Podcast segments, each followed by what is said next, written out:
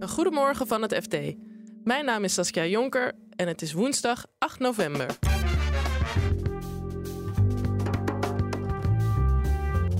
Klimaatlabel op je huis om te voorkomen dat je later voor een verrassing komt te staan. Als blijkt dat de fundering verzakt en je moet dat gaan eh, laten aanpakken, dan kost dat uh, zo een half ton. Na urenlange onderhandelingen maakt het Duitse kabinet het voor asielzoekers veel minder aantrekkelijk. Nou, het is eigenlijk een heel cocktail van, van maatregelen die Duitsland eigenlijk in eerste instantie onaantrekkelijker moet maken voor uh, asielzoekers. De ACM wil meer mogelijkheden om in te grijpen bij kleine fusies en overnames. Dus landelijk denk je, ja, wat is er aan de hand? Maar in een bepaalde regio kan er wel degelijk sprake zijn van een gebrek aan concurrentie, waar ze nu eigenlijk heel, heel weinig aan kunnen doen. Dit is de dagkoers van het FD. Door gevolgen van overstromingen of juist droogte worden huizen voor meer geld verkocht dan ze soms waard zijn, zegt financieel toezichthouder AFM. En dus moet er een klimaatlabel komen. Redacteur Arend Klaassen legt uit wat de AFM van plan is. Er wordt de verkoop van woningen niet gelet op klimaatrisico's. Uh, bijvoorbeeld uh, hoe het staat met de funderingen. Zijn dat houten palen? Is de grondwaterstand gezakt? Eigenlijk wordt daar nooit naar gekeken. En iedereen koopt die woning. En dan kan achteraf blijken dat, dat de fundering verzakt. En dan heb je een enorme rekening. En, maar je hebt wel de volledige prijs betaald. Tegen wat voor problemen kan een koper aanlopen als zijn nieuwe huis dan overstroomt of als die fundering rot blijkt? Uh, een uh, forse rekening, dat is het belangrijkste. Want uh, nou ja, iedereen die de laatste tijd een huis heeft gekocht, weet hij dat hij maximaal moet gaan om, om te kunnen kopen wat hij wil hebben. En als dan vervolgens een jaar later blijkt dat de fundering verzakt en je moet dat gaan laten aanpakken, dan kost dat zo een half ton. En als het tegen zit, kan het zelfs een ton zijn. Uh, die, die, die ruimte heb je dan financieel niet, niet qua inkomen. En de bank zal ook niet bereid zijn om uh, heel gemakkelijk dat geld te verstrekken als de woning zover in waarde is gedaald door die schade. En dat, uh, nou ja, de AFM ziet daar een risico in. dat mensen gewoon op achterstand worden gezet hierdoor. ze kunnen, wanneer ze een huis kopen, kunnen ze het risico niet inschatten. En um, voor verkopers is er eigenlijk ook geen enkele prikkel om dat wel te doen. Als ze zeg maar bij de verkoop melden van ik heb de fundering uh, net gerepareerd, dan krijgen ze mij een iets hogere prijs. Als er niks wordt gezegd en uh, de taxateur neemt het ook niet mee in zijn onderzoek, dat, is, uh, dat hoeft ook niet op dit moment. Nou ja, dan, dan kan die gewoon de volle, volle prijs vangen. Net zo hoog als de buurman die bijvoorbeeld geen risico's heeft met de fundering. En wat stelt de toezichthouder nu dan voor? De toezichthouder stelt voor om dat soort risico's veel inzichtelijker te maken. En je hebt op dit moment heb je al het energielabel van, uh, nou ja, ik heb vloerisolatie, ik heb uh, dubbel glas, ik heb een goed dak erop. Nou, je krijgt je energielabel B. En je ziet op dit moment zie je ook al een differentiatie in de markt. Dat een energiezuinige woning, dat er een hogere prijs voor gevraagd kan worden dan een uh, tochtige woning met enkel glas en geen vloerisolatie. Omdat je dan als koper nog al die uitgaven moet doen om een duurzaam huis te krijgen. En als je dat dus ook doet met uh, bijvoorbeeld funderingsrisico's of het risico dat het huis onder water kan komen te staan, dat is ook moeilijk verzekerbaar. Nou dan kun je door zo'n label kun je veel meer prijsdifferentiatie krijgen en dat dus een uh, risicovollere woning ook uh, minder hypotheek kan krijgen en dat je er ook minder voor hoeft te betalen. Ja, en dan is ook de vraag van wat betekent dan uh, als ik in een tochtige woning uh, woon en nu zo'n klimaatlabel zou krijgen? Wat zou dat dan betekenen voor, voor mij? Als je de woning lang geleden hebt gekocht, dan betekent dat dat je iets minder uh, overwaarde hebt. Dat je dus met een wat lagere verkoopprijs genoegen moet nemen als je verhuist. Als je de woning net hebt gekocht, dan is er wel een, uh, een risico dat je, uh, nou ja, als dat label erop ge, geplakt wordt en, en, je hebt inderdaad houten palen en de grondwaterstand is gezakt en er is een risico dat je bij de verkoop minder krijgt. En dan sta je, zeg maar, figuurlijk onder water. ja. ja. En dat wil je ook niet. Dat is toch de consequentie uh, hiervan. Ja, er zit altijd overgangssituatie in, in dit soort dingen. En bij een beperkte groep zal er een uh, negatief financieel effect zijn. Deutschland ist ein starkes Land. Und die, das Motiv, in dem wir an diese Dinge herangehen, muss sein, wir schaffen das. Wir schaffen das. Und Zo ging het onder Angela Merkel in 2015. Het lukt ons wel, was haar gedachte toen ze de Duitse grenzen openden voor veel Syrische vluchtelingen. Maar dat is nu wel anders. De Duitse regering heeft na een marathonoverleg besloten de migratie flink in te perken. Wat is er veranderd?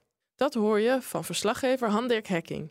Nou, wat er eigenlijk de afgelopen twee, drie jaar eigenlijk is gebeurd, is dat je ziet dat er lokaal en, op niveau van deelstaten er steeds meer problemen zijn ontstaan eigenlijk bij het opvangen van, uh, van asielzoekers. Uh, dan gaat het met name bijvoorbeeld om het uh, vinden van, van opvangplaatsen, maar het gaat ook echt om financiële kwestie. Dus eigenlijk ja, moeten deelstaten gewoon steeds zelf bijspringen om gewoon de kosten op te brengen. En die vinden langzaam maar zeker dat Berlijn dat zelf maar eens een keertje moet, moet gaan doen. Ja, en dan is er ook nog een politieke component die, die uh, op de achtergrond wat reuring veroorzaakt, of niet? Ja, nee, dat klopt. Kijk, toen Merkel die uitspraak, die befaamde uitspraak destijds deed, uh, toen waren natuurlijk al heel veel Duitsers die daar eigenlijk helemaal, uh, het helemaal niet mee eens waren. Waar de regering in Berlijn eigenlijk ook zomaar bevreesd voor is. Kijk, er zijn nog steeds geen landelijke verkiezingen in aantocht of zo. Maar je ziet gewoon bij de deelstaatverkiezingen in Hessen en Beieren dat de AFD daar fors heeft gewonnen. In Hessen zijn ze nu de tweede partij ook inmiddels. Nou, volgend jaar zijn er deelstaatverkiezingen bijvoorbeeld in het voormalige Oost-Duitsland, in Turingen en Saxe. Daar is de AFD al veel groter. Maar je ziet gewoon inmiddels dat ja, die partij overal in Duitsland echt uh, fors veel uh, stemmen krijgt. En dat heeft alles te maken met de discussie over het migratiebeleid en het aantal asielzoekers. Dus het Duitse kabinet heeft urenlang onderhandeld hier over een pakket uh, maatregelen om die migratie terug te dringen. Wat is er nu afgesproken? Nou, het is eigenlijk een heel cocktail van, van maatregelen die Duitsland eigenlijk in eerste instantie onaantrekkelijker moet maken voor asielzoekers.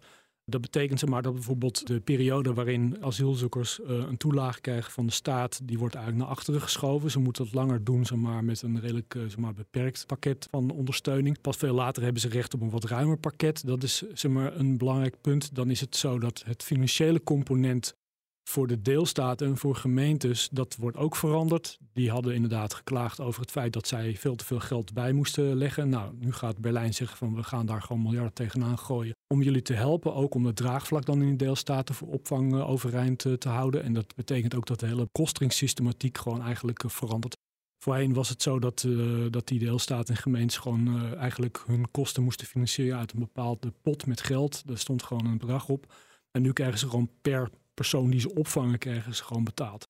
In Duitsland denken ze dat bijvoorbeeld het feit ze maar dat asielzoekers cashgeld krijgen als een soort toelage, dat dat eigenlijk een soort ja, aantrekkende factor is. Dat Duitsland maakt dat aantrekkelijk voor, voor mensen, omdat ze een gedeelte van het geld misschien ook wel weer aan familie zouden kunnen sturen.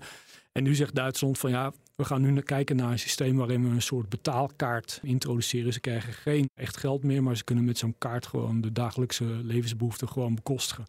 Ja, je ziet dus eigenlijk dat ze ja, winkelen in een hele scala van maatregelen om eigenlijk de aantrekkelijkheid van Duitsland als asiellocatie ja, te reduceren.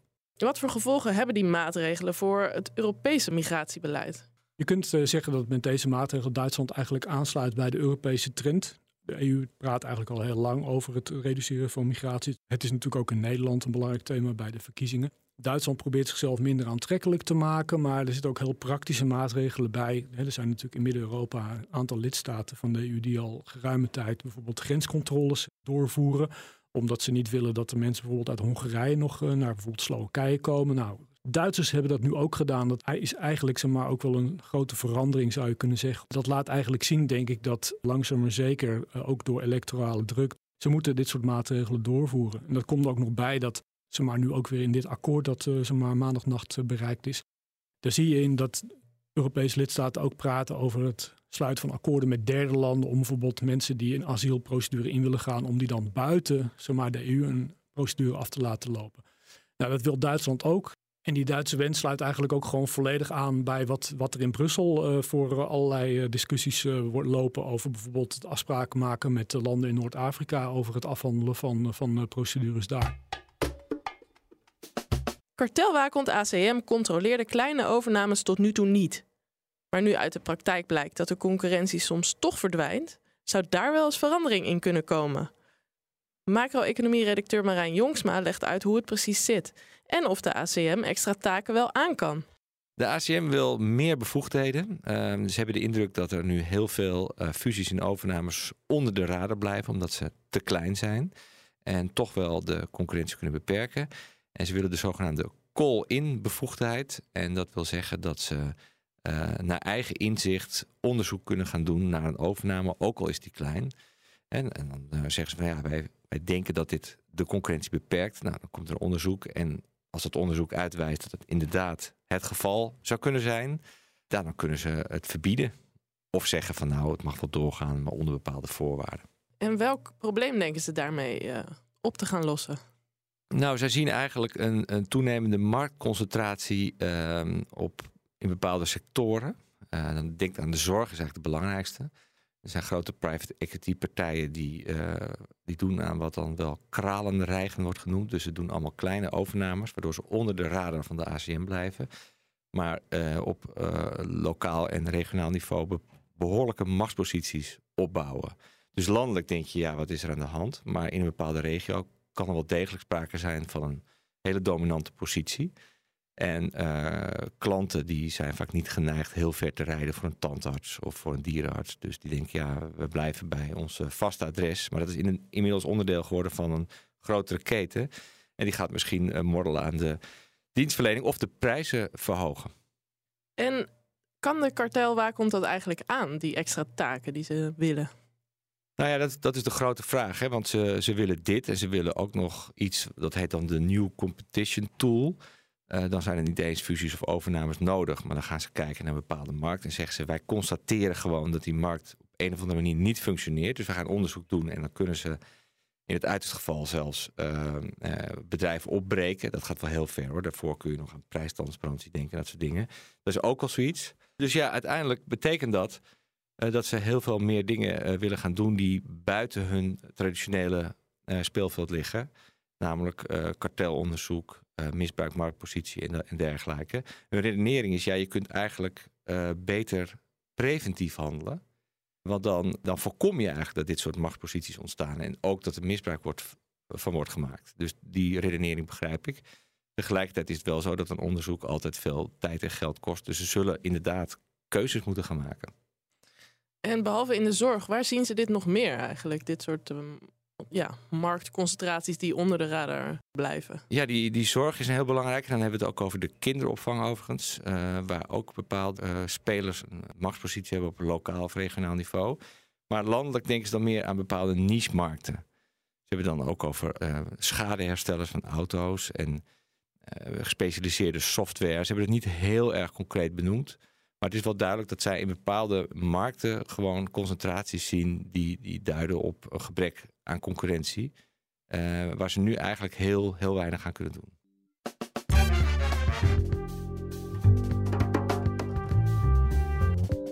Dit was de dagkoers van het FD. Morgen staat er weer een nieuwe aflevering voor je klaar. En in de tussentijd volg je al het laatste financieel-economische nieuws op fd.nl of in onze app. Tot morgen!